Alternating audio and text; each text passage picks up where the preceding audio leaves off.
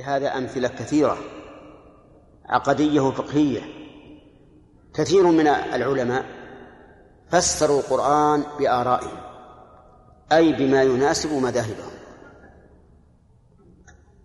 وهذا في العقائد مشهور معروف مثل يفسر قول الله تعالى وجاء ربك أي جاء أمر ربك. يفسر قوله تعالى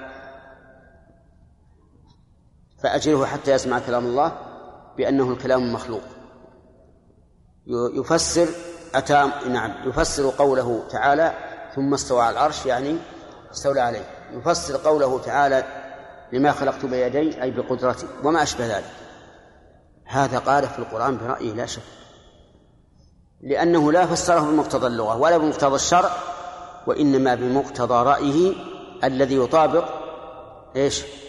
ما هو عليه من من المذهب أو من الطريقة. طيب. فالتفسير بالرأي إذن محرم ومن كبائر الذنوب. وهو داخل في قوله تعالى ومن أظلم ممن افترى على الله كذبا لأن هذا المفسر يقول إن الله أراد بهذا هذا. فيكون صادقا أو كاذبا. يكون كاذبا. فيكون ممن افترى على الله كذبا حيث قال إن الله أراد كذا. ثم هو ممن اعتدى في حق الله حيث قال لم يرد كذا.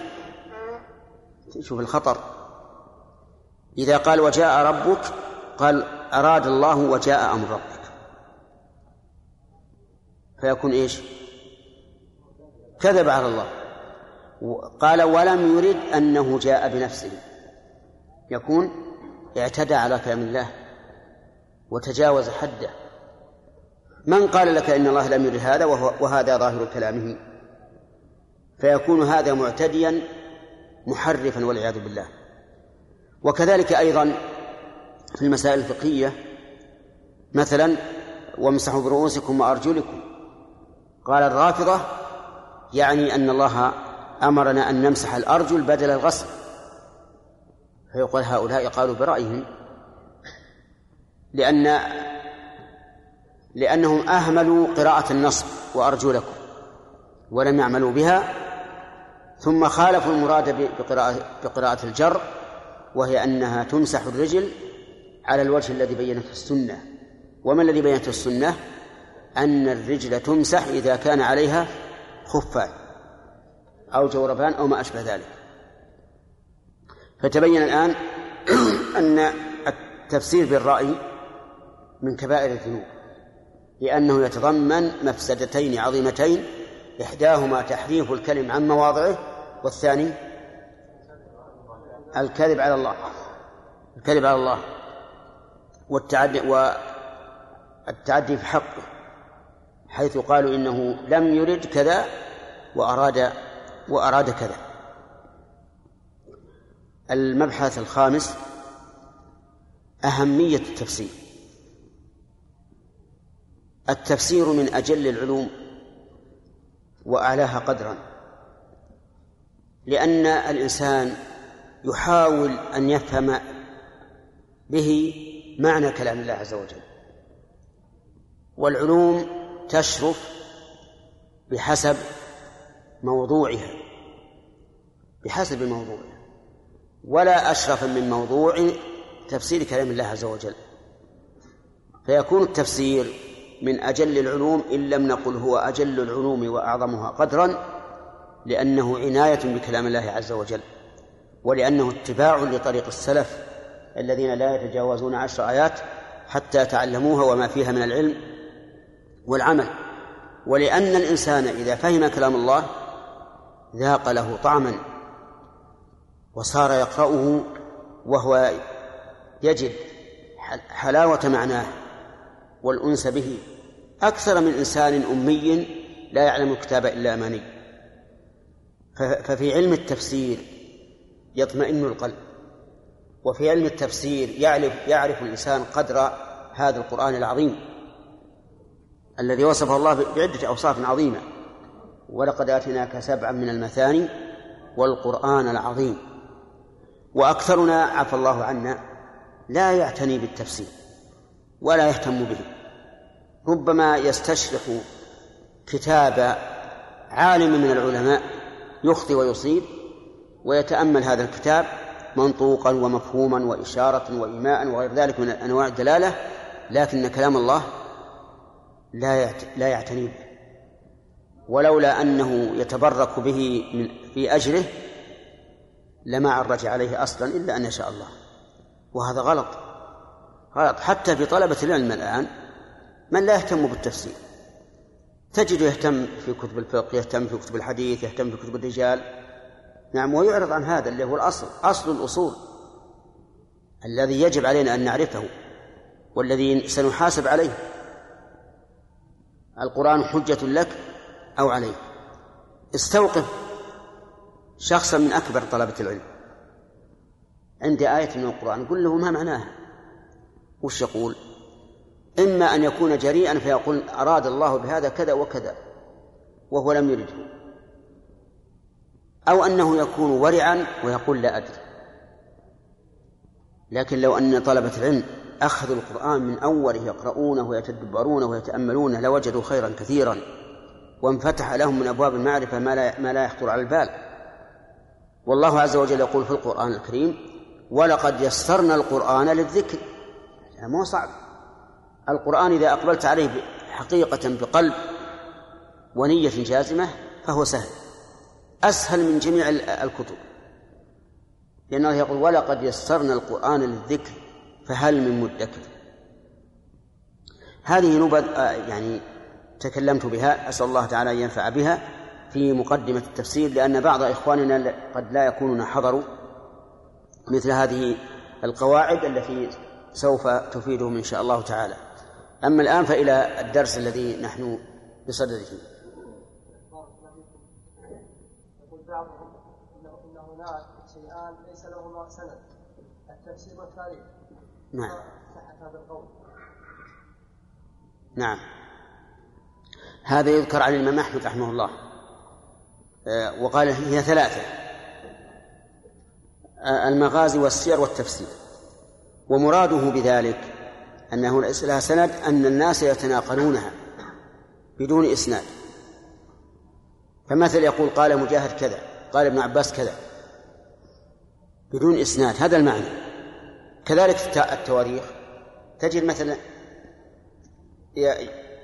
يتكلمون الناس في هذا في غزوة أحد لكن لا تجد الرجل يقول حدثني فلان عن فلان عن فلان حتى يصل إلى الغزوة.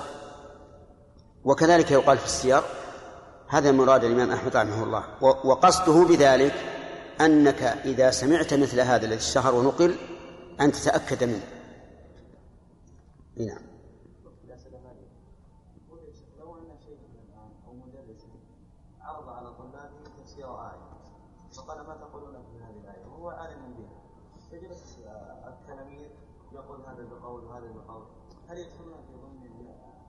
لا؟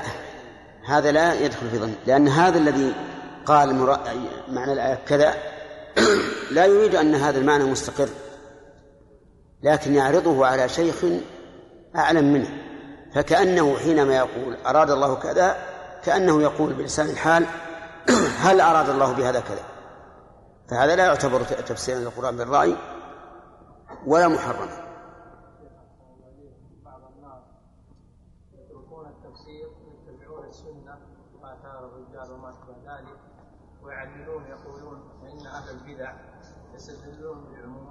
من القرآن فنقرأ السنة لكي نبين هذه العمومات مدلولة من السنة. نعم. فما رأيكم بهذا؟ رأينا صحيح أن أننا لا, لا, لا نزهد في السنة ولا في معرفة الرجال ولا في معرفة المصطلح. لكننا نرى أن أن هناك أولويات وهناك أهميات قبل المهمات. وأما ما ادعاه من أن القرآن لم يبين الرد على أهل البدع والسنة بينت فهذا غير صحيح. القرآن ليس فيه دليل واحد لأي بدعة من البدع. أبدا. بل إن شيخ الإسلام رحمه الله قال في كتابه درء تعارض العقل والنقل قال أي دليل يستدل به شخص على بدعة فأنا أجعل هذا الدليل دليلا عليه. وصدق.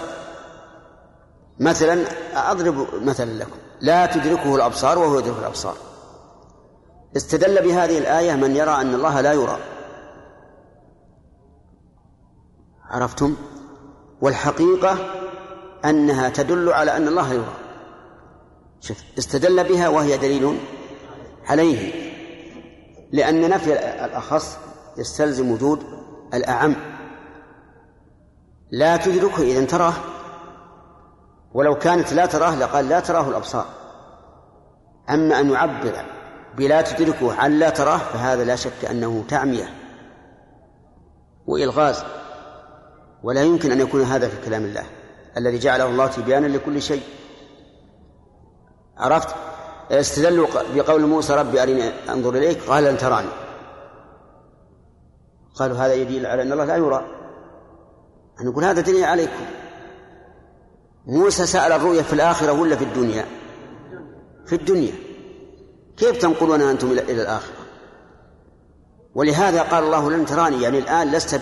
ليس بك قدرة على أن تتحمل رؤيته ورؤية الله مستحيلة في الدنيا لا لأمر يتعلق بالرؤية لكن لأمر يتعلق بالرأي. نحن نقول رؤية الله في الدنيا مستحيلة. لا لأمر يتعلق بالرؤية ولكن لأمر يتعلق بالرأي. الرأي لا يتحمل. ولهذا ضرب الله مثلا لموسى فقال انظر إلى الجبل. فإن استقر مكانه فسوف تراني. فلما تجلى ربه للجبل جل وعلا ماذا صار؟ جعله دكا. هذا الجبل العظيم الذي لا تدكه القنابل صار دكا بمجرد أن الله تجلى له. ولهذا خر موسى صاعقا عجز أن عجز أن يتحمل الموقف فضلا عن رؤية رب عز وجل.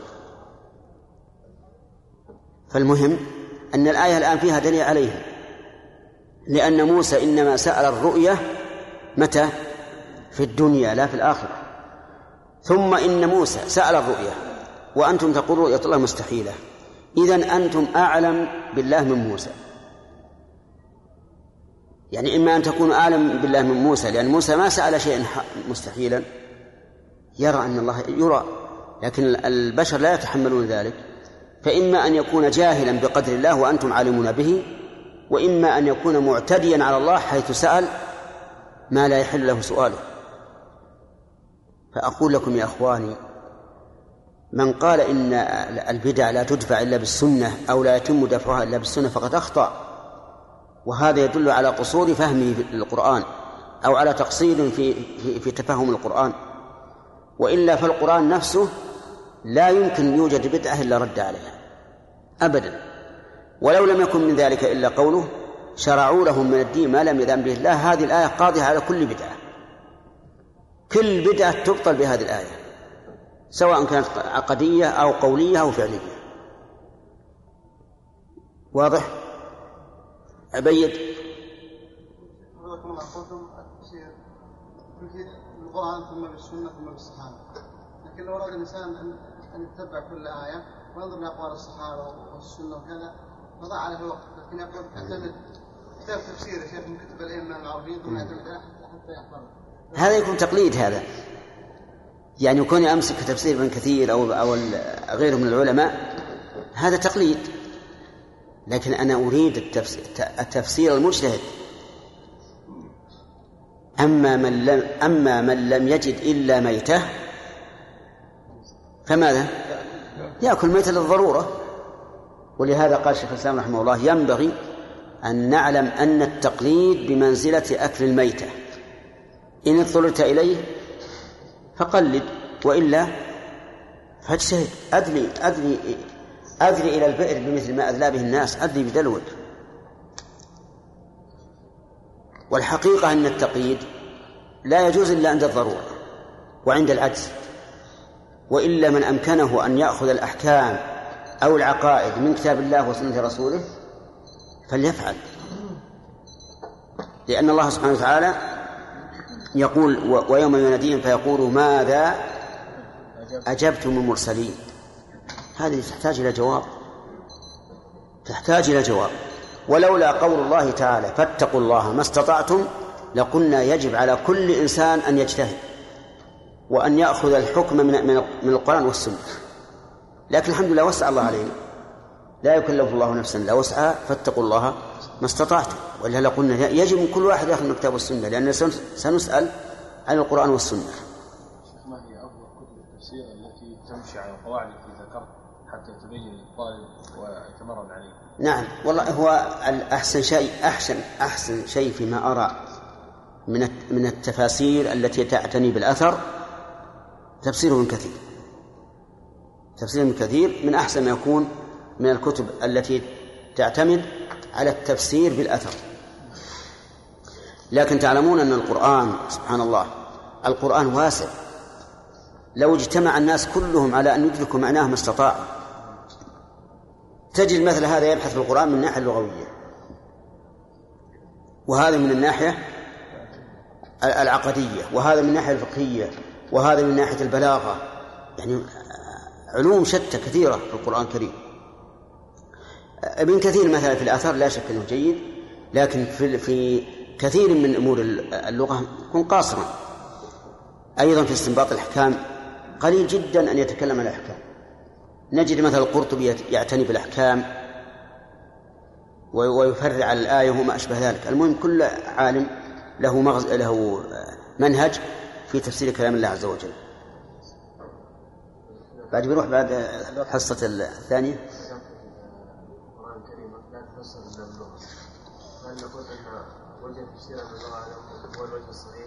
كيف؟ القران كلمه تفسيرها نعم فهل؟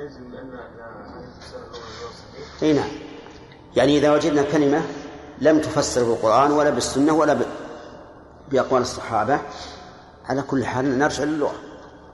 لأن القرآن كما قلت بل ما أنا اللي قلته قاله الله عز وجل كما قال عز وجل بلسان عربي مبين إنا جعلناه أي صيرناه قرآنا عربيا أي باللغة العربية لعلكم تعقلون.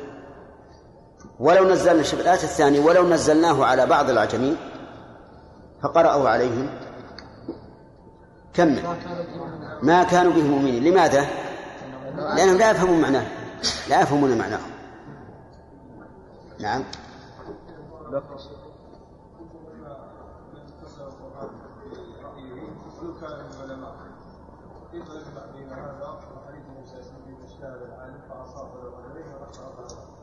إذا اجتهد. والذي يفسر القرآن برأيه ما اجتهد. وأنا ضربت لكم عدة أمثلة من التفسير بالرأي. ليس معنى التفسير بالرأي أن تفسر القرآن حسب ما تقتضيه اللغة العربية. التفسير بالرأي أن تحمل معنى القرآن على على رأيك. وهذا إنما يكون في من؟ في المتعصبين لمذاهبهم الذين يحاولون أن يلووا أعناق النصوص إلى ما كانوا عليه. ها؟ هذا سؤالك؟ هذه ثلاث أسئلة الآن. الدرس غدا والدرس بعد غد والدرس بعد بعد بعد غد ها؟ الفقهاء يقولون إن الذي تزوج امرأة في عدتها وبنى بها و يعني تحرم عليه والعلة يعني من الفقهاء؟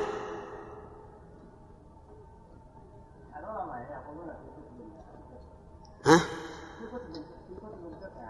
آه كتب من؟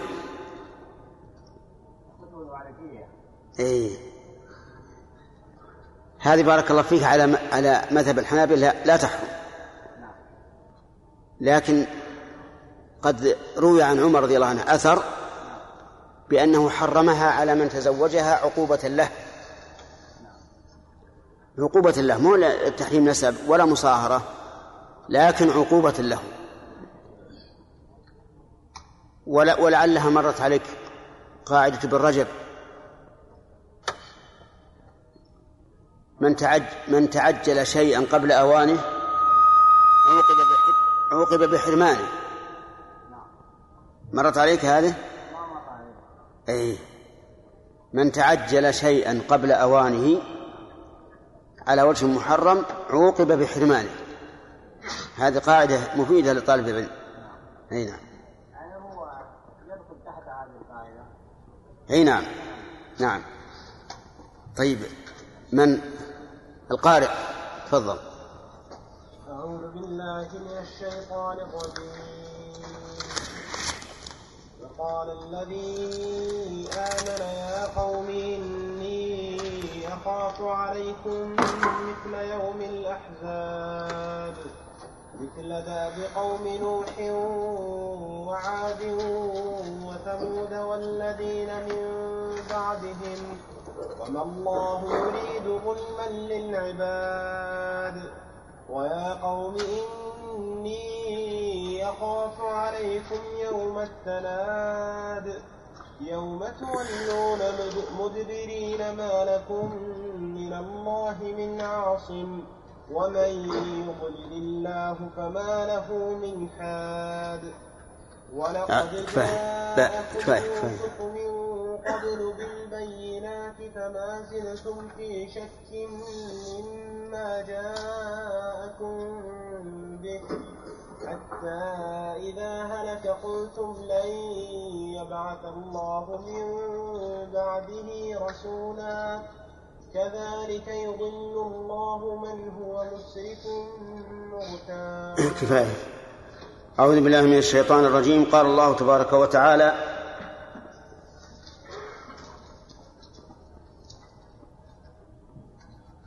يا قوم لكم الملك اليوم ظاهرين. ها؟ قال الله تعالى وقال الذي آمن يا قوم إني أخاف عليكم يوم التناد مثل يوم الأحزاب. نعم. وقال الذي آمن أبهم الله سبحانه وتعالى الذي آمن حيث إنه من أول القصة وقال رجل مؤمن من آل فرعون يكتم إيمانه. فما زال الحديث عنه بلفظ, بلفظ الإبهام. لأنه لا حاجة إلى تعيينه باسمه فإن تعيين الاسم قد يكون فيه شيء من الضرر. والمقصود هو المعنى وما تقتضي وما تتضمنه هذه القصة. قال الذي آمن يا قوم إني أخاف عليكم مثل يوم الأحزاب. يا قوم معروف أن يا النداء إذا دخلت على نكرة مقصودة فإنها تبنى على الضم. كما إذا دخلت على معرفة. وهنا لم تكن مبنية على الضم بل آخرها الكسر. فيقال إن أصلها يا قومي ولكن حذفت الياء للتخفيف. وفي قوله يا قوم تلطف بدعوتهم وإلا فهم معادون له لأنهم كفار وهو مؤمن.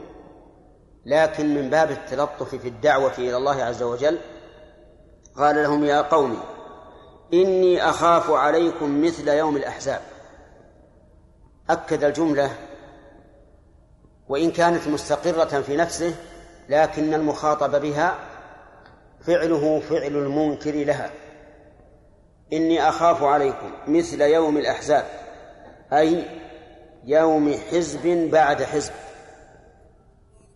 وإنما قال الشارح حزب بعد حزب لأن هذه الأحزاب ليست مجتمعة في آن واحد أو مكان واحد بل نجد قصة نوح وحدها وهود وحدها وصالح وحدها وهكذا. ولذلك فسر المؤلف قوله يوم الأحزاب إلى قوله نعم بقوله يوم حزب بعد حزب. مثل داء بقوم قوم نوح. مثل هذه بدل من مثل التي قبلها. مثل يوم الأحزاب مثل داء والبدل أحد التوابع الأربعة المعروفة في أو من قول ابن مالك يتبع في الإعراب الأسماء الأول نعت وتوكيد وعطف وبدل. يتبع في الإعراب الأسماء الأول. نعت وتوكيد وعطف وبدل. وعلامة البدل أنه يصح أن يحل محل المبدل منه. يعني يصح أن يحذف المبدل منه ويحل محله البدل. فإن قال قائل ما الفائدة من أن نأتي بالمبدل منه ثم بالبدل؟ لماذا لم نأتي بالبدل من أول الأمر؟ نقول لا بد أن يكون هناك فائدة إما تفصيل بعد إجمال أو تبيين بعد إبهام أو ما أشبه ذلك ولا بد أن يكون للبدل فائدة. مثل دأب قوم نوح وعاد وثمود إلى آخره. مثل دأبهم هو لا يريد مثل دأبهم يريد مثل الجزاء دأبهم لأن هناك دأب وهناك جزاء. فالجزاء من الله والدأب من الأمم أو من الأحزاب. مثل دأب يعني مثل جزاء دأبهم. فما دأبهم؟ بين الله تعالى دأبهم بقوله كدأب آل فرعون والذين من قبلهم كفروا بآيات الله أو كذبوا بآياتنا. هذا هو دأبهم.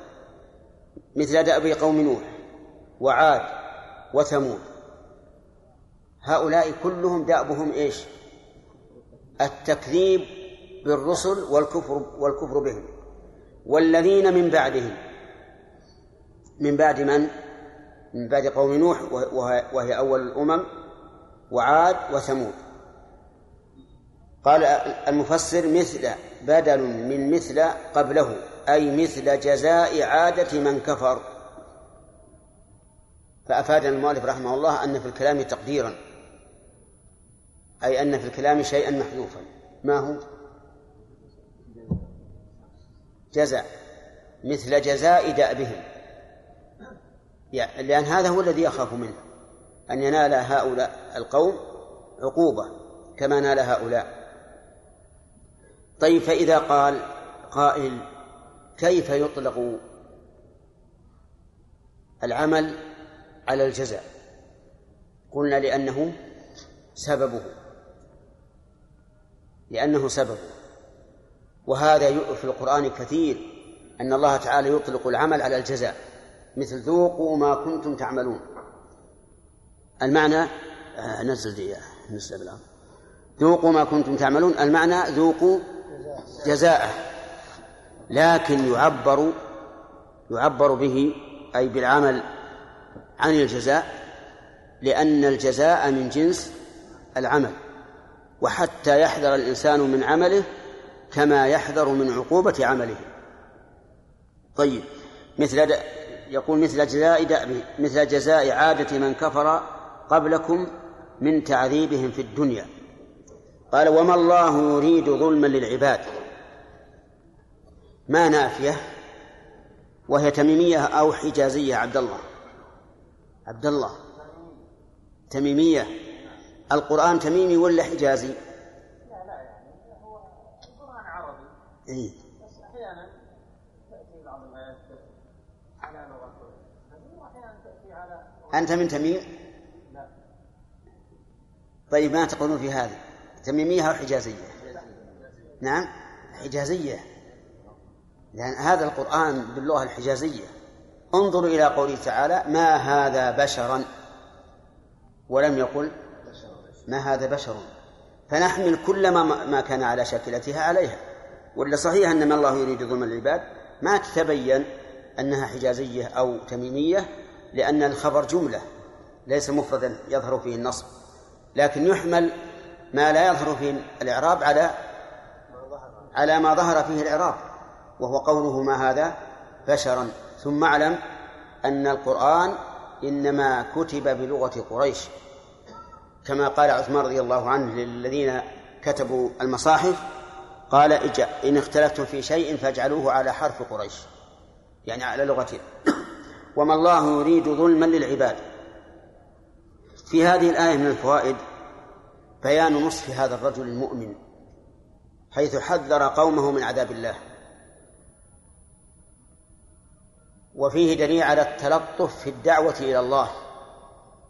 وأن الإنسان لا يستعمل في الدعوة إلى الله عاطفته لأنه إن, إن استعمل عاطفته أخذته الغيرة ففعل ما لا يحمد عقباه. وإنما يحكم إيش؟ العقل وينظر إلى إلى العواقب والنتائج. ولا ضير على الإنسان إذا أصابه ذل في أول الأمر إذا كانت النتيجة طيبة.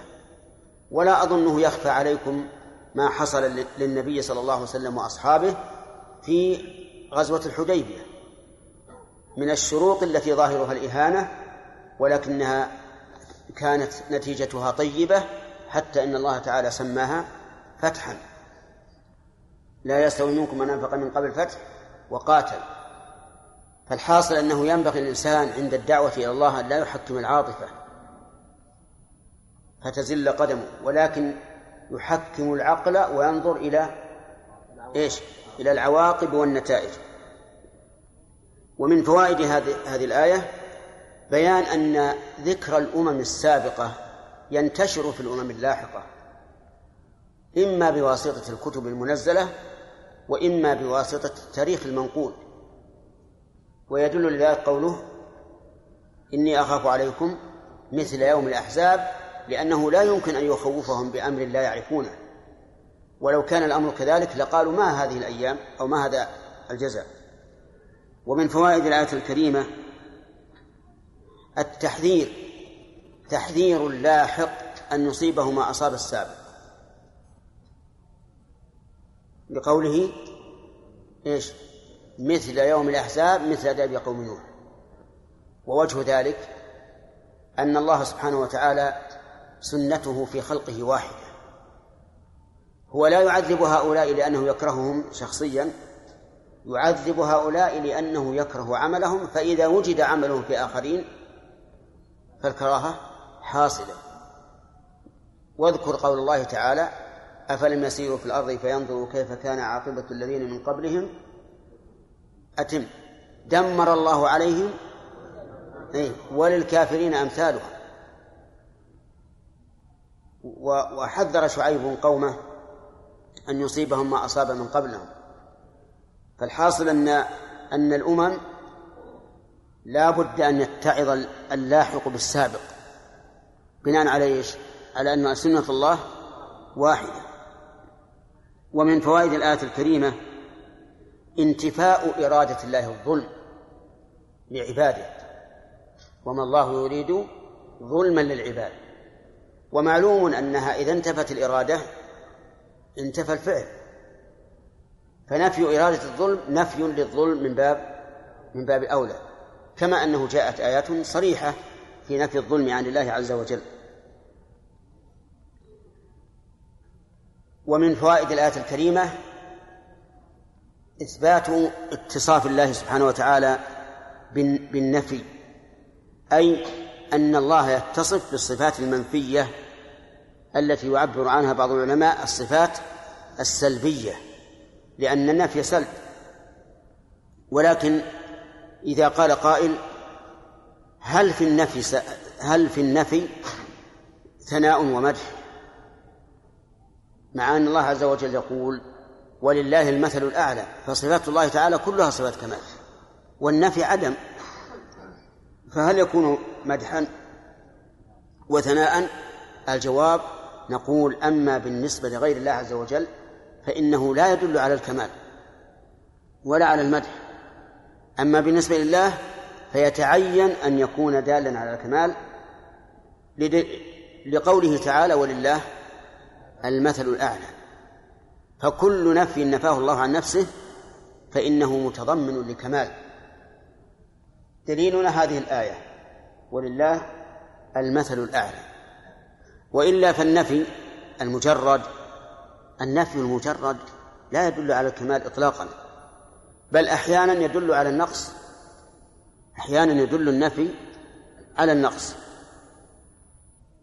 فقول الشاعر مثلا قبيلة لا يغدرون بذمة ولا يظلمون الناس حبة خردل.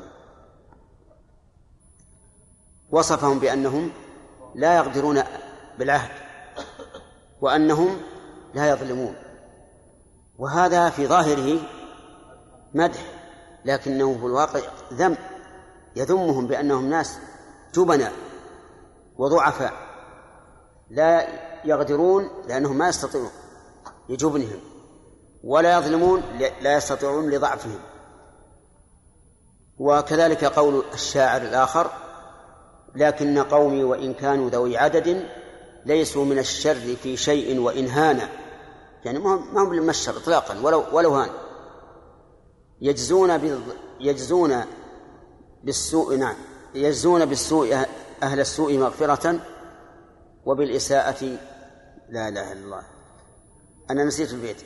لكن يقول لكن قومي وإن كانوا ذوي عدد ليسوا من الشر في شيء وإن هان نعم يجزون بالظلم أهل الظلم مغفرة. يجزون بالظلم أهل الظلم مغفرة وبالإساءة أهل السوء إحسانا.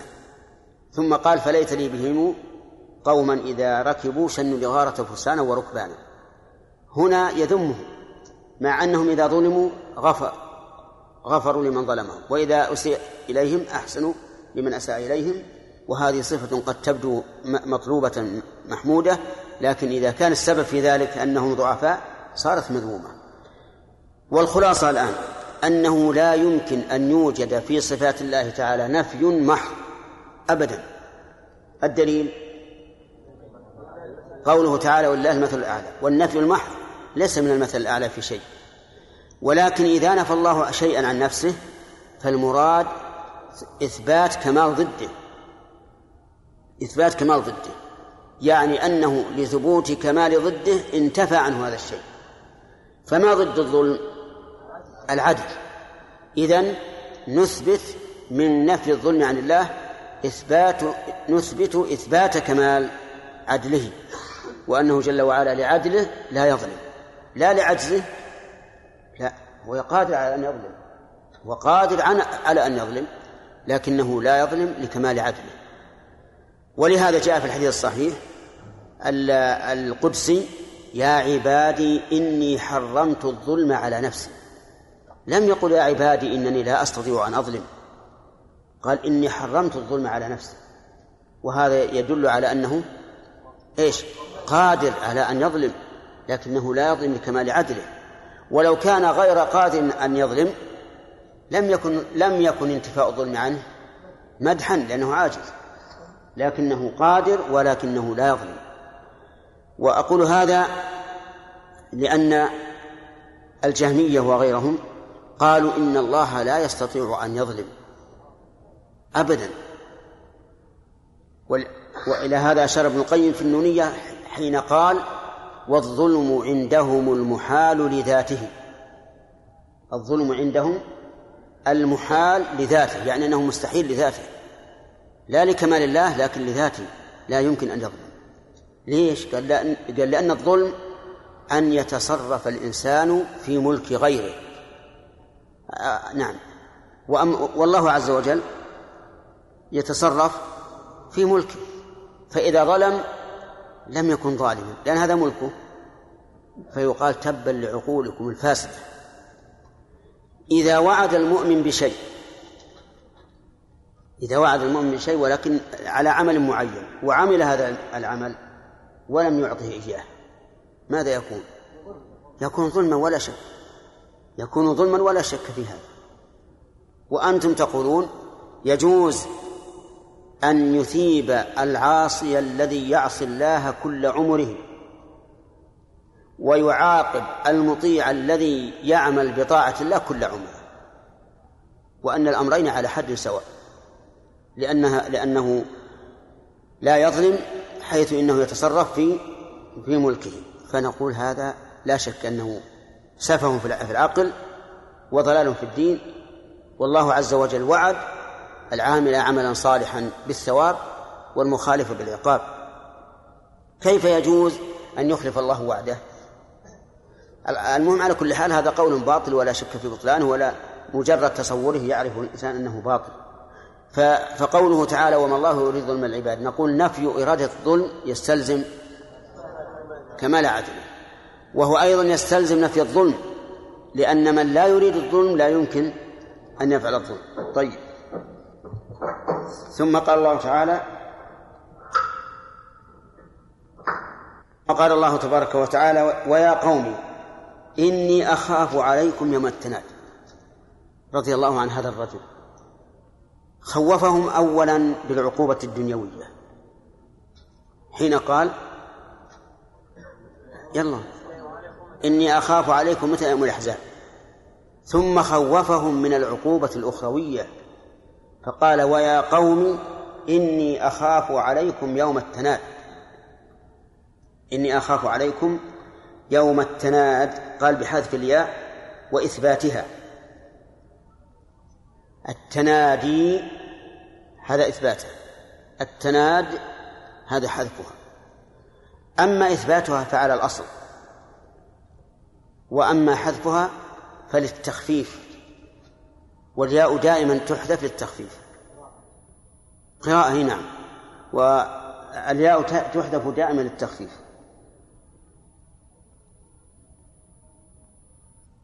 مثل قول الله تعالى فلا تستعجلون. صح؟ فلا تستعجلون. وش أصله؟ تستعجلوني. وليست النون هنا نون الرفع لأنها مكسورة فهي نون الوقاية وحذفت الأو تخفيفا. طيب يا قوم إني أخاف عليكم يوم التناد. كلمة يوم هنا هل هي ظرف منصوبة على الظرفية؟ والتقدير إني أخاف عليكم العذاب يوم التناد أو إن الفعل مسلط عليها فهي مفعول به. الثاني الثاني لقوله تعالى يخافون يوما تتقلب فيه القلوب والأبصار. فجعل الخوف مسلطا على إيش؟ على يوم.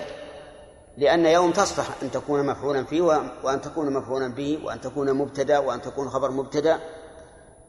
تتصرف. طيب يقول يوم التناد بحذف الله وإثباتها. أي يوم القيامة؟ هذا هو المراد به.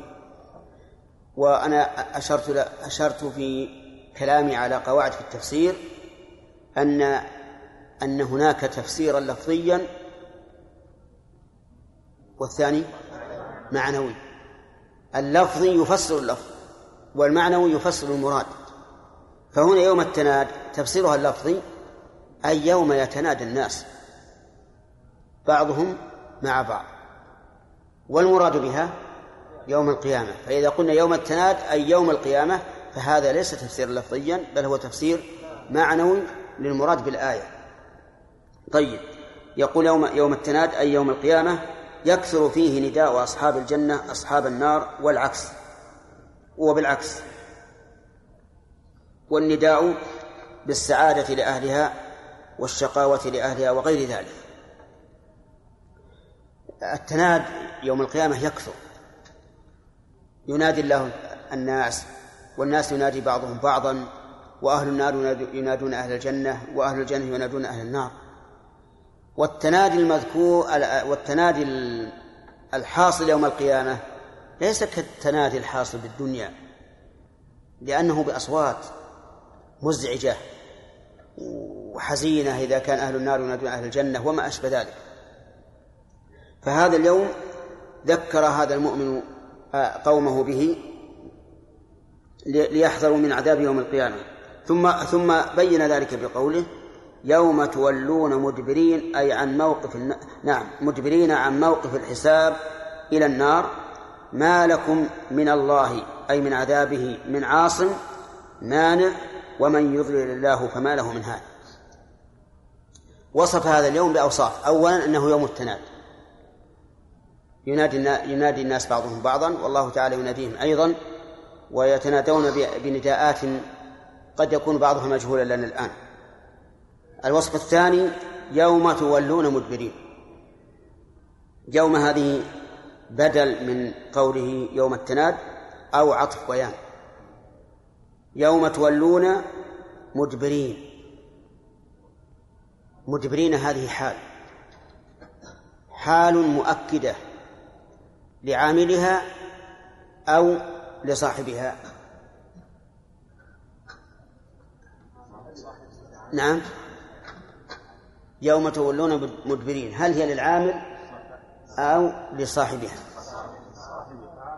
للعامل لعاملها لأن التولي هو الإدبار وعلى هذا فهي حال مؤكدة لعاملها.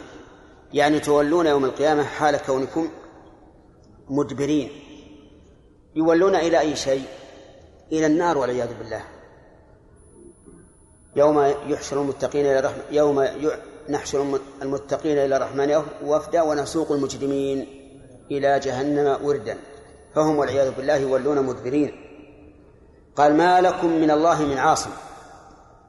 الجملة هذه جملة خبرية مبدوءة بما النافية والمبتدا فيها قوله من عاصم لكن دخلت عليه من الزائدة للتوكيد.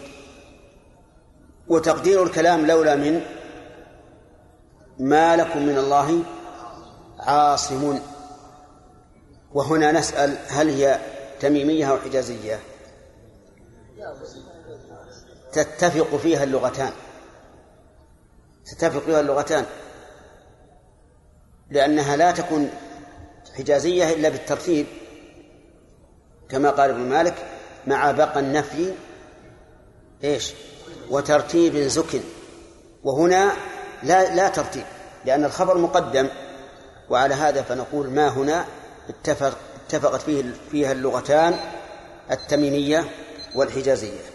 ما لكم من الله من عاصم أي من مانع؟ ومن يضلل الله فما له من هاد. هذه الجملة قد تشكل كيف ختم بها الدعوة كيف ختم بها الدعوة إلى الله عز وجل. لأن مقتضى الحال أن يقول وأسأل الله لكم الهداية. فيقال هل قوله ومن يضلل الله فما له من هاد؟ هل هي من كلام الرجل أو من كلام الله؟ لا بد أن نبحث قبل كل شيء. هل هي من كلام الله عز وجل؟ ليبين أن هؤلاء القوم مع قوة الدعوة لم يستفيدوا أو هي من كلام المؤمن إن كانت من كلام الله فلا إشكال. ليس فيه إشكال إلا أنها حالت بين الكلام أوله وآخره وهذا لا يضر لأن الجملة الاعتراضية تأتي كثيرا. وإن كانت من كلام الرجل فهنا محل الإشكال. ونرجع الأمر عنكم إلى غد. إن شاء الله يكون الجواب منكم غدا إن شاء الله. والله أعلم. نعم. أي نعم. جاء قصة آدم الآن. غدا أو بعد غد أو بعد بعد غد. غدا باعتبار الدرس نعم. لا يأبه بما يأتيه في أول الدعوة. الضغط عليه أو ما أشبه ذلك أو الناس ويحكم العقل. كيف الإنسان يعرف أن النتائج سوف تكون طيبة؟ ذكر ظاهرها يعني غير طيب.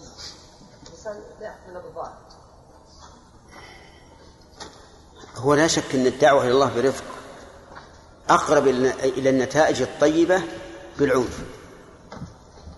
لقول النبي صلى الله عليه وعلى وسلم إن الله رفيق يحب الرفق في الأمر كله. وكذلك قال إن الله يعطي بالرفق ما لا يعطي على العنف. هذا واضح. يعني لو لم يكن إلا أن استعملنا ما هو أولى. وما يحبه الله عز وجل لكفى. ونحن نشاهد الآن أن النتائج الطيبة في الدعوة برفق في الدعوة برفق. وهناك وقائع كثيرة يقال إن أحد مشايخ الدعوة من آل الشيخ جاء إليه رجال الحسبة يشكون عاملا ما هو عامل أجنبي. كان بالأول الناس يسنون على على الإبل ويسنون على البقر ويسنون على الحمير. نعم. ويسمون الذي يسوق الثانية يسمونه عاملا. ويكون معه في العادة عصا طويلة من عصب النخل جيدة لأنه يريد أن يسوق إبلا أو بقرا أو حمرا. فجاءه قوم من الآمرين بالمعروف والناهين عن المنكر عند غروب الشمس وهو يغني. يغني وقت عند غروب الشمس الناس يسبحون ويهلون. وهذا يغني بأعلى صوته. لأي شيء؟ لأن هذا يوجب أن تهملج الدواب وتسرع. الدابة تطرب للغناء كما قال الرسول رفقا بالقوارير. فتكلموا عليه. الناس يسبحون ويحمدون ويهللون في هذا الوقت وأنت رفعت صوت الشيطان. قالوا وش تقولون؟ قال هذا اللي نقول. المسوقة هذه اللي يسمونها المسوقة عصا جبر أخذ بهم ضربا قال أنا أنا أسوق إبلي لأروي زرعي وأنتم تقولون أن ترفع صوت الشيطان. راحوا لأنه هو قوي وكبير الجسم ونشيط. تولوا عنه. وجاءوا إلى الشيخ وقالوا له يا شيخ هذا الرجل الفلاني فعل كذا وكذا. قالوا وش أنتم قلتوا له؟ قالوا بس إن هشناه ليش إنك الناس يسبحون ويهلون وأنت تغني وأنه قام على واحد منا وبالمسبق قال طيب الظاهر أن الخطأ منكم أنتم. لكن خلوا لا تدخل الأمور اليوم التالي ذهب الرجل الشيخ العالم هذا. عند غروب الشمس وجاء إلى الرجل على حال يغني ويسوق آه، آه، الإبل أو وضع آه، مشلحه على العصا على نخلة هناك وتوضأ وقد أذن الآن. أذن بعد ما فر من الوضوء وقد أذن. فجاء إلى الرجل وهو ذاك مغني. الظاهر ما أجاب المؤذن أو ما أجاب المؤذن. المهم أنه قال له يا ابن حلال ألا أدلك على شيء أحسن من هذا؟ الآن أذن. لو رحت وصليت وبعدين ترجع أنزل لك البركة. والصلاة سبب للرزق. وأمر أهلك بالصلاة واصطبر عليها. لا نسألك رزقا نحن نرزقك. المهم كلموا بهدوء. قال الله يعافيك. الله يجزاك خير. جاءنا أمس ناس ثيران. نعم أنا أفعل مثل ما ما أفعل اليوم وقاموا يتكلمون علي ويقولون هذا صوت الشيطان ومدري إيش بعد. والله عجزت أملك نفسي وضربت واحد منهم. لكن الله يجزاك عني خير. ذهب الشيخ يصلي ويوم صلى وانتهى ولا الرجل قد لحقه لكنه فاته ركعه. تركه ما قال شيء. في اليوم الثاني راح يتوضأ عند غروب الشمس ولا قال له شيء نبت. وجده في اليوم الثاني يصلي ولم يفته شيء. الله سبحان الله. فالمهم إن الرفق كله خير. وهذا شيء مجرب يعني. حتى لكن أحيانا الإنسان للغيرة التي عنده يثور. يعجز يعجز يملك نفسه. يعني يقول هدئ. لأنك أنت أنت مثل الطبيب الذي يريد أن يشق الجرح. فلا بد أن تكون بهدوء وعلى الوجه الذي يحصل به المطلوب.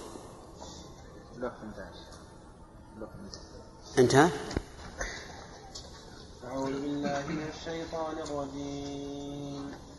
ويا قوم إني أخاف عليكم يوم التناد يوم تولون مدبرين ما لكم من الله من عاصم ومن يضلل الله فما له من حال.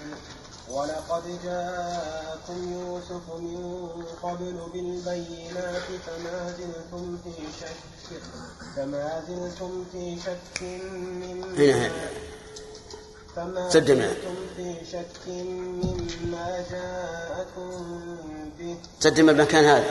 إذا هلك قلتم لن يصلي. يبعث الله من بعده رسولا.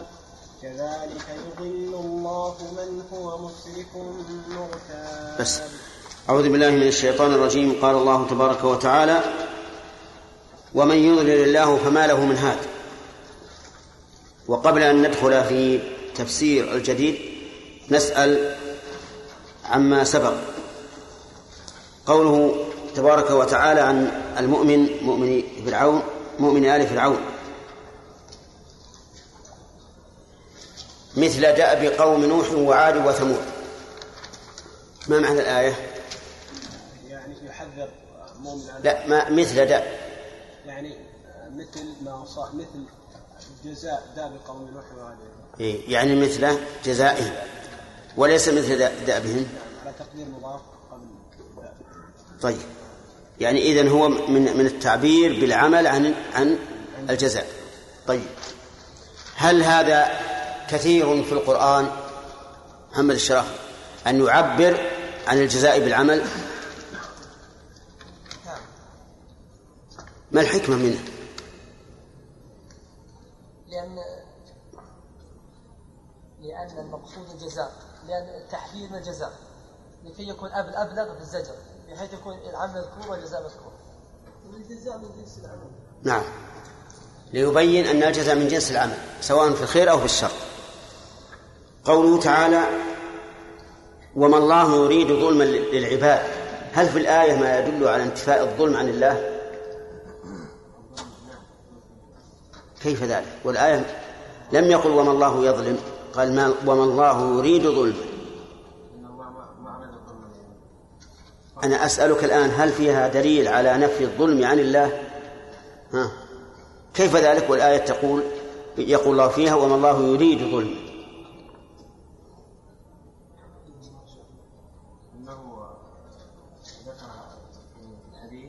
دعنا من الحديث نريد من الآية نفسها.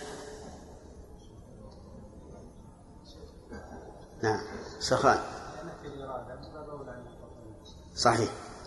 لأن نفي الإرادة يستلزم نفي الوقوع من باب أولى. لأن طيب نفي إرادة الظلم نفي للظلم. سامح. ما الذي نستفيده من نفي الظلم وهي صفة سلبية والسلب عدم؟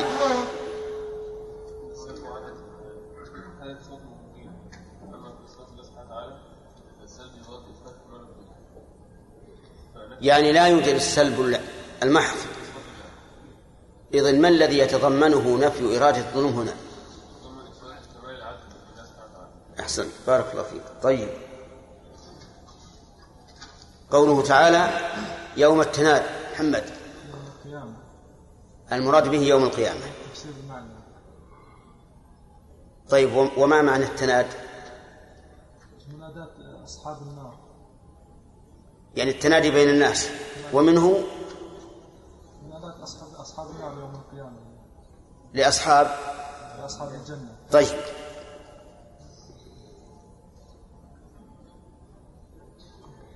ما الفرق بين التحذير الأول والثاني؟ مثل يوم الأحزاب ثم قال إني أخاف عليكم يوم التناد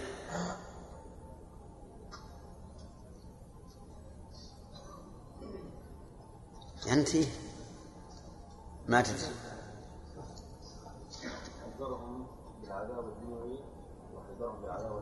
أحسنت الأول عقوبة دنيوية والثاني عقوبة أخروية طيب أظن أخذنا الفوائد ها؟ أخذنا الفوائد ولا لا؟ ما أخذنا شيء أبد؟ ها؟ قبل فوائد ظلم العباد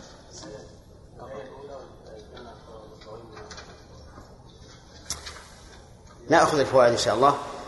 آه، من قوله تعالى مثل دأب قوم نوح. طيب. وما الله يريد من العباد أخذناها فوائده طيب. وإني أخاف عليكم من التناد أخذناها طيب بسم الله الرحمن الرحيم. من فوائد الآية. ويا قوم إني أخاف عليكم من التناد من فوائد الآية أن هذا المحذر كان مؤمنا باليوم الآخر.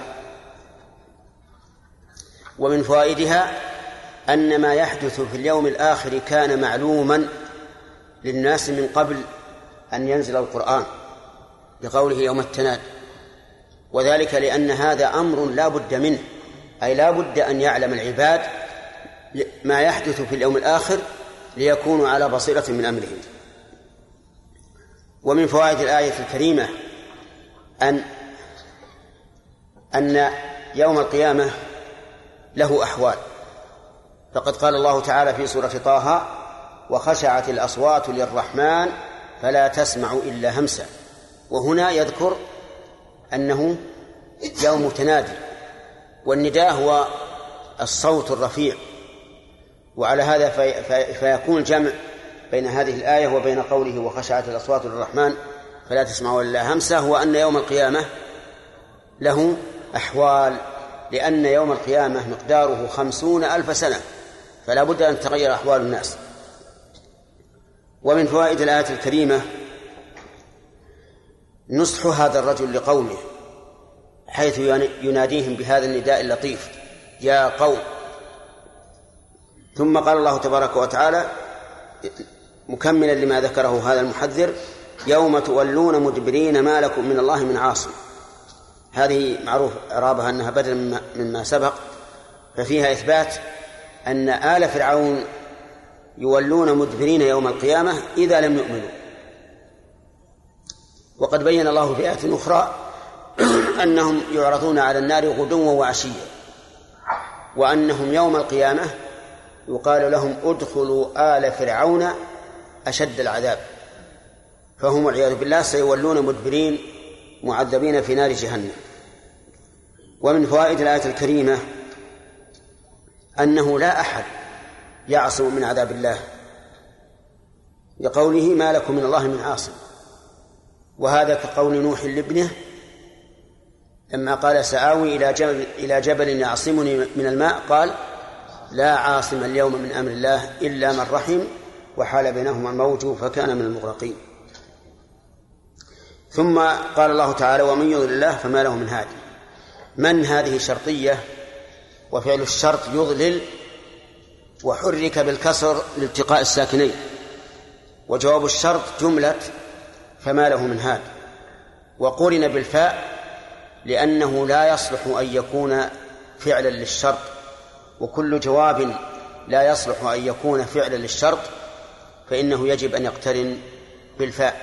كما قال ابن مالك واقرن بفاء حتما جوابا لو جعل شرطا لإن أو غيرها لم ينجعل. وذكروا له ستة ضوابط مجموعة في قوله اسمية طلبية وبجامد وبما وقد وبلن وبالتنفيس. فهذه الجمل الست إذا وقعت جوابا للشرط فإنه يجب أن يقترن بالفاء. وهنا الجملة هي مصدرة بما وإن شئت فقل إنها جملة اسمية. ولا مانع من أن يوجد سببان لحكم واحد.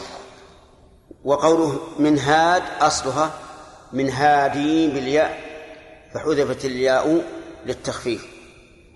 يقول الله عز وجل إن من يضلل الله أي من كتب الله إضلاله فإنه لا أحد يهديه. لأن الذي يهدي ويضل هو الله بيده الأمر كله. ولكن ليعلم أنه لا يهدي أحدا إلا لحكمة ولا يضل أحدا إلا لحكمة. فمن كان أهلا للهداية هداه ومن كان أهلا للإضلال أضله والعياذ بالله. وإلا فإن الله سبحانه وتعالى لا يحرم فضله من أراده. إنما يحرم فضله من لم يرده. ودليل هذا قوله تعالى فلما زاغوا أزاغ الله قلوبهم. فجعل إزاغة الله لقلوبهم مترتبا على زيغهم. أما من أراد الهدى بجد فإن الله سبحانه وتعالى ييسره له. فأما من أعطى واتقى وصدق بالحسنى فسنيسره لليسرى. إذن قوله من يضل الله فما له من هاد؟ مقيد بماذا؟ بمن فعل ما ما يقتضي إضلاله لأن الله لا يضل أحدا إلا لحكمة ومن فوائد هذه الآية لأجل أن نكمل من فوائد هذه الآية رحمك الله من فوائد هذه الآية أنه يجب على الإنسان إذا أراد أن يسأل الله أن يسأل الهداية أن لا يسألها إلا من الله الذي بيده الإضلال والهداية. فلا تسأل الهداية من غيره اسألها من الله عز وجل ففي فيستفاد منها تفويض الأمر إلى الله تبارك وتعالى. ثم قال تعالى ولقد جاءكم ولقد جاءكم يوسف من قبل بالبينات فما زلتم في شك مما جاءكم به. هذا من كلام من؟ من كلام الرجل المؤمن المحذر. قال لقد جاءكم الجملة هنا مؤكدة بثلاثة مؤكدات. باللام وقد والقسم. وكلما جاءتك صيغة كهذه فإنها مؤكدة بثلاثة مؤكدات. اللام وقد والقسم. لأن تقدير الكلام والله لقد جاءكم. وقوله يوسف المراد به يوسف ابن يعقوب. فإن قال الإنسان كيف يخاطبهم فيقول جاءكم وهو ويوسف بن يعقوب قبلهم بأزمان كثيرة فيقال إنما حصل للأسلاف فهو للأخلاف. يعني أنه أن ما جاء أسلافهم فهو كالذي جاءهم. ودليل ذلك أن الله يخاطب بني إسرائيل في عهد النبي صلى الله عليه وسلم بما حصل لمن؟ لأسلافهم في عهد موسى. وبينهم قرون كثيرة.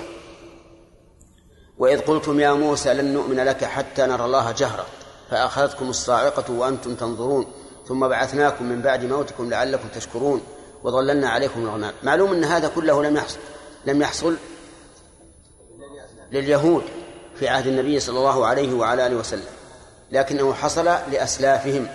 فما كان من الأمة من أولها فإنه ثابت للأمة في آخرها.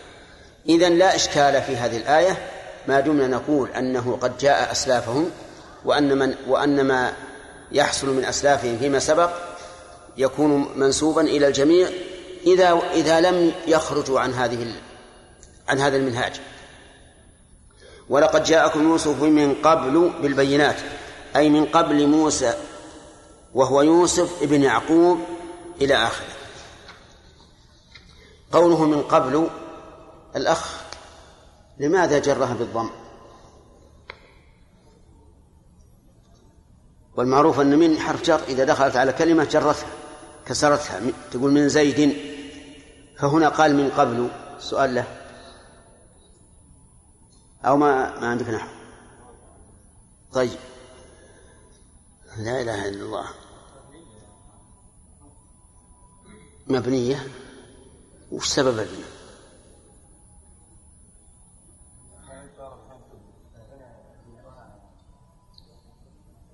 طيب أحيانا تبنى وأحيانا تعرب. متى تبنى؟ متى تعرب؟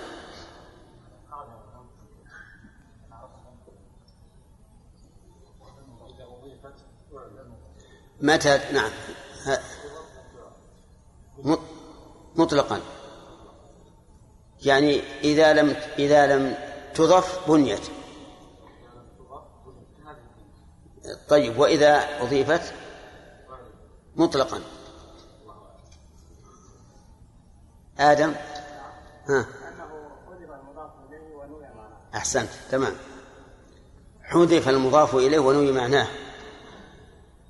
لأنه إما أن أن يوجد المضاف أو يحذف وينوى معناه أو يحذف وينوى لفظه أو يحذف ولا ينوى لا لفظه ولا معناه. فالأقسام أربعة تبنى في واحد منها والباقي معربة. تبنى إذا حذف المضاف إليه ونوي معناه. فإن قال قائل ما هو الدليل؟ قلنا الدليل أن أنها تكون مضمومة لأن تبنى على الضم. فإذا كلمنا من هو عالم بالعربية وب- وبناها على الضم عرفنا أنه حذف المضاف ونوى معناه. يقول من قبل أي من قبل مجيء موسى. عليه الصلاة والسلام وهو يوسف ابن يعقوب. إيش عندكم؟ في قول في قول عمر إلى زمن موسى أو يوسف بن إبراهيم بن يوسف بن يعقوب في قول. يعني حكى المؤلف رحمه الله قولي قولين في المراد بيوسف فقيل إنه يوسف بن يعقوب. وقي وأنه عمر إلى زمن موسى. وهذا قول باطل لا إشكال. أنت يا أخ شوف إذا أكثرت الالتفات أقومك عن عن ال- الصف الأول. نعم. المهم انتبه انتبه. آه، يقول عمر إلى زمن موسى. هذا قول ليس بصحيح بل هو باطل. لأنه لو كان الأمر كذلك لكان يأتي موسى ويتصل به لأنهم كلاهما رسول. القول الثاني أنه يوسف وجده يوسف بن يعقوب. يوسف بن إبراهيم بن يوسف وهذا أيضا لا دليل له. والصواب أن المراد به يوسف بن يعقوب وأنه لم يعمر إلى زمن موسى.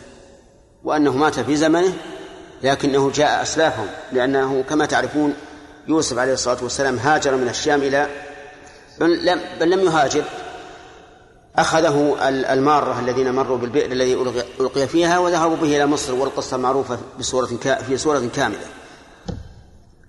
وقوله بالبينات البينات من بان يبين إذا ظهر. ومعلوم أنها وصف لموصوف محذوف. وصف لموصوف محذوف. وذلك لأنه يجوز أن يحذف النعت وأن يحذف المنعوت إذا دل عليه دليل. فما هو الموصوف هنا؟ يعني ما هو المحذوف؟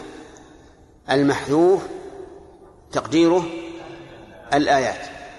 الآيات كما هو كما هو كما يعبر به في القرآن كثيرا بالآيات البينات بآيات بينات وما أشبهها. وأما قوله بالمعجزات فإن هذا تعبير متأخر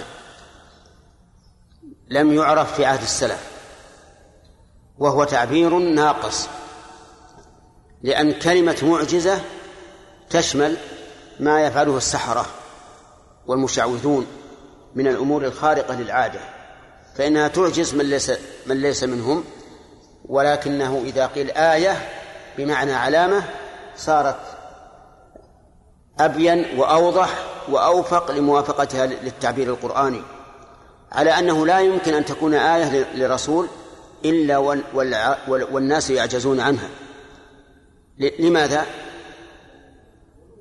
لأنهم لو كانوا يستطيعون أن يأتوا بمثلها لم تكن آية للنبي إذ كل واحد يأتي بها طيب إذن تقدير الكلام بالآيات البينات ولكن حذف الموصوف لدلالة السياق عليه ومنه قوله تعالى أن اعمل سابغات وقدر في السرد. يعني أن اعمل دروعا سابغات. طيب. بالبينات فما زلتم في شك مما جاءكم به. يعني من وقت يوسف إلى وقت موسى وآل فرعون وإن شئت فعبث بالقبط في شك مما جاء به يوسف. فلم يؤمنوا به الإيمان الواجب الخالي من الشك. حتى إذا هلك قلتم آه نعم مما جاءكم به حتى إذا هلك قلتم من غير برهان لن يبعث الله من بعده رسولا. يعني أنهم كانوا في شك مما جاء به يوسف ولم يصدقوه. ولما هلك قالت لهم نفوسهم الآن استرحتم. الآن استرحتم فلن يبعث الله من بعده رسولا. كفيتم. هلك من أرسل. فكذبتموه فاطمئنوا. لن يبعث الله من بعده رسولا فكانوا فكانوا قال ذلك فكانوا قالوا ذلك بناء على أمنية كاذبة. بناء على أمنية كاذبة. لأنهم قالوا هذا الرسول الذي جاءنا وتوعدان إن خالفناه مات هلك. فلن يأتي من بعده رسول وحينئذ نكون قد استرحنا من الرسل ومشاكلهم على زعمهم. قلتم لن يبعث الله من بعده رسولا أي فإن نزلوا نعم أي فلن تزالوا كافرين بيوسف وغيره. لأنهم إذا قرروا في أنفسهم أن الله لن يبعث رسولا فسوف يكذبون كل من جاء من الرسل بعد يوسف. بناء على هذه العقيدة الفاسدة التي أصلوها. قال الله تعالى كذلك أي مثل إضلالكم يضل الله من هو مسرف مشرك مرتاب شاك فيما شهدت به البينات. كذلك قال الشارح أو المفسر أي مثل إضلالكم يضل الله. وعلى هذا فتكون إعرابها. الكاف اسم بمعنى مثل وهي مفعول مطلق مضاف إلى اسم الإشارة وعامله قوله يضل عامله متأخر عنه وهذا التعبير القرآني يكثر في كلام الله عز وجل وإعرابه كما سمعتم أن تقول الكاف اسم بمعنى مثل منصوب على إيش؟ على المفعولية المطلقة مضافة إلى اسم الإشارة. فإن قيل وهل الكاف تأتي اسما؟ قلنا نعم اللغة العربية واسعة وإلا فالأصل أن الكاف حرف لكن تكون اسما. قال ابن مالك شبه بكاف وبها التعليل قد يعنى وزائدا لتوكيد ورد واستعمل اسما. وكذا من وعلى استعمل يعني الكاف اسما. أي في اللغة العربية. كذلك أي مثل ذلكم يضل الله. من؟ من هو مسرف مرتاب لا يضل الله تعالى رجلا مؤمنا مقتصدا موقنا ابدا. يضل الله والعياذ بالله من هو مسرف مرتاب يقول مسرف مشرك. ولا شك أن الشرك من الإسراف. لأن الإسراف معناه تجاوز الحد. ومن جعل لله شريكا فقد تجاوز الحد بلا شك. لكن معنى الآية أعم من المشرك. فالمشرك فالمسرف من تجاوز حده. هذا المسرف. بإفراط أو تفريط. لكن الغالب يكون بالإفراط. لأنه مجاوزة الحد زيادة. فالمشرك لا شك أنه مسرف بلا شك. والمستكبر مسرف والجاحد مسرف وهل مجر إذا من هو مسرف؟ ينبغي أن يقال في تفسيرها من هو مجاوز لحده كالمشرك. وقول مرتاب أي شاك.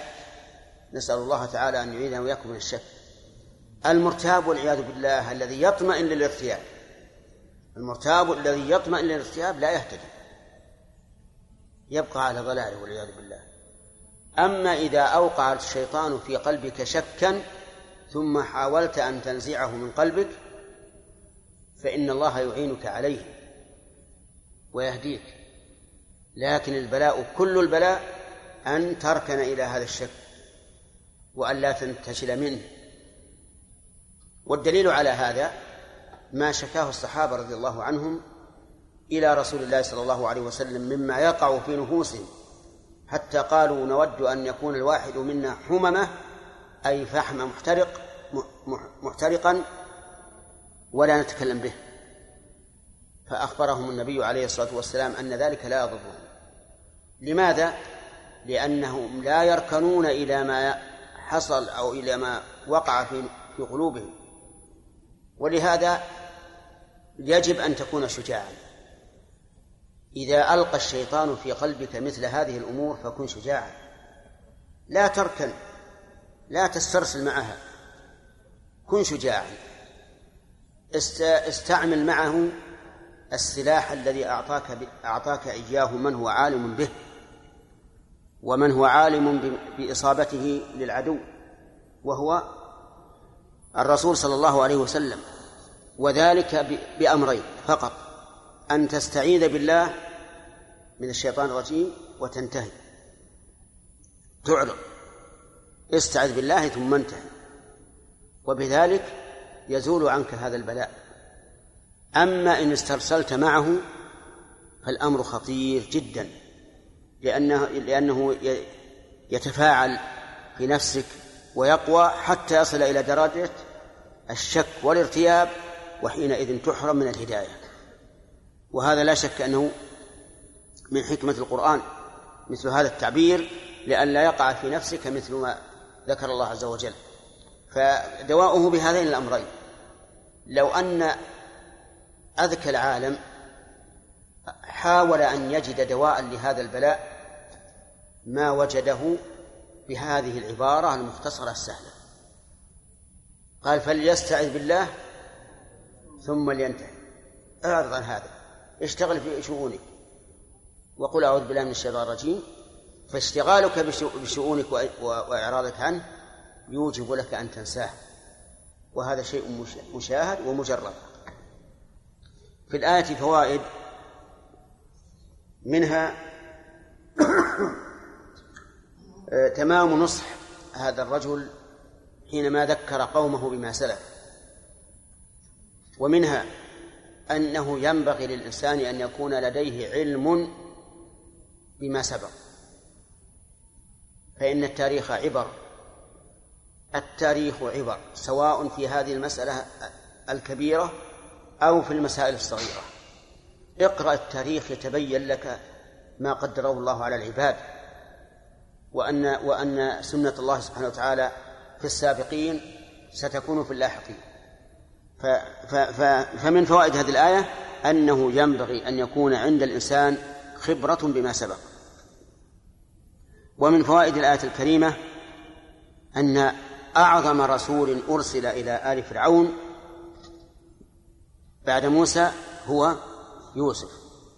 ولهذا طوي ذكر من بعده والظاهر والله أعلم أن الله تعالى لا يدع هذه الأمة يعني أمة فرعون لا يدعهم بلا رسول من بعد موسى الذي له أزمان كثيرة. لكنهم ليسوا كيوسف فنوه بذكر يوسف. ومن فوائد الآية الكريمة أن الرسل يأتون بالبينات الدالة على صدقهم ونبوتهم لأن هذا من حكمة الله. لو أرسل الله رسولا للناس لم ليس معه آية وقال أنا رسول الله إليكم. آمنوا بي وإلا فلكم النار. هل يطيعونه؟ أبدا. يقول هذا مجنون. لابد من آية تدل على صدقه وقد ثبت عن النبي عليه الصلاة والسلام أنه قال ما من رسول بعثه الله إلا آتاه من الآيات ما يؤمن على مثله البشر. فلا بد من ذلك. ومن فوائد الآية الكريمة أن الآيات التي جاءت بها الرسل آيات بينة. لا تخفى إلا على العميان. ودليل ذلك قوله بالبينات. وهنا ركز على الوصف دون الموصوف لأن الوصف أهم وهو كون هذه الآيات بينة لا تخفى على أحد. ومن فوائد الآية الكريمة أن آل فرعون ما زالوا في شك حتى مع وجود يوسف فهم في شك لأن الله تعالى لم يقدر هدايتهم. فبقوا حيارى واستمروا على الكفر. ومن فوائد الآية الكريمة بيان كراهة الشعوب المكذبة للرسل لما جاءت به الرسل. لأنهم كأنهم انتهزوا الفرصة لما هلك يوسف فقالوا لن يبعث الله من بعده رسولا. وهذا يدل على أنهم متضايقون. غاية التضايق بوجود يوسف عليه الصلاة والسلام. ومن فوائد الآية الكريمة أن الإيمان بوجود الله لا يكفي في التوحيد والخلاص من عذاب الله. من أين يؤخذ؟ من قولهم لن يبعث الله. فهؤلاء كانوا مقرين بالله ومع ذلك لم ينفعهم إقرارهم بالله. وكذلك الذين بعث فيهم الرسول عليه الصلاة والسلام مقرون بالله؟ مقرون بالله. قل من يرزقكم من السماء والأرض أم من يملك السمع والأبصار ومن يخرج الحي من الميت ويخرج الميت من الحي ومن يدبر الأمر فسيقول الله. مؤمنين بالربوبية تماما وبأن المدبر هو الله ومع ذلك استباح النبي صلى الله عليه وعلى آله وسلم دماءهم وأموالهم ونساءهم وذرياتهم وأرضهم. لأن مجرد الإيمان بالله ليس إيمانا. أبدا. لا بد من الإيمان بالله عز وجل بوجوهه الأربعة المعروفة وهي الإيمان بوجوده وبربوبيته وبألوهيته وبأسمائه وصفاته. لا بد من هذا. فمن لم يؤمن كذلك فليس بمؤمن بالله. ومن فوائد الآية الكريمة أن إضلال الله عز وجل لا يكون إلا في محله أي في محل من هو أهل للإضلال أي في من هو أهل للإضلال. بقوله كذلك يضل الله من هو مسرف مرتاب ومن فوائد هذه الآية الكريمة أن من لزم حده وأيقن بما يجب الإيقان به فإنه أبعد الناس عن الإضلال. يؤخذ هذا من المفهوم أو من المنطوق؟ من المفهوم. إذا كان الله يضل من هو مسلم مرتاب فإنه يهدي من لزم حده وأيقن في أمره وآمن بذلك. كذلك يرضي الله من هو مسلم مرتاب.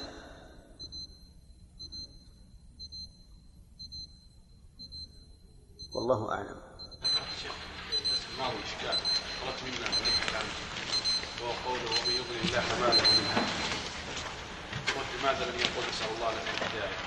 لماذا لم؟ لماذا لم يقل بعد هذا النص نسأل الله لكم الهداية أو شيئا من هذا؟ نعم.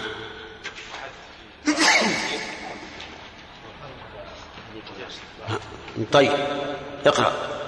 بسم الله الرحمن الرحيم. جاء في تفسير التحرير والتنوير قوله ومن يضل الله فما له من هاد عطف على جملة إني أخاف عليكم.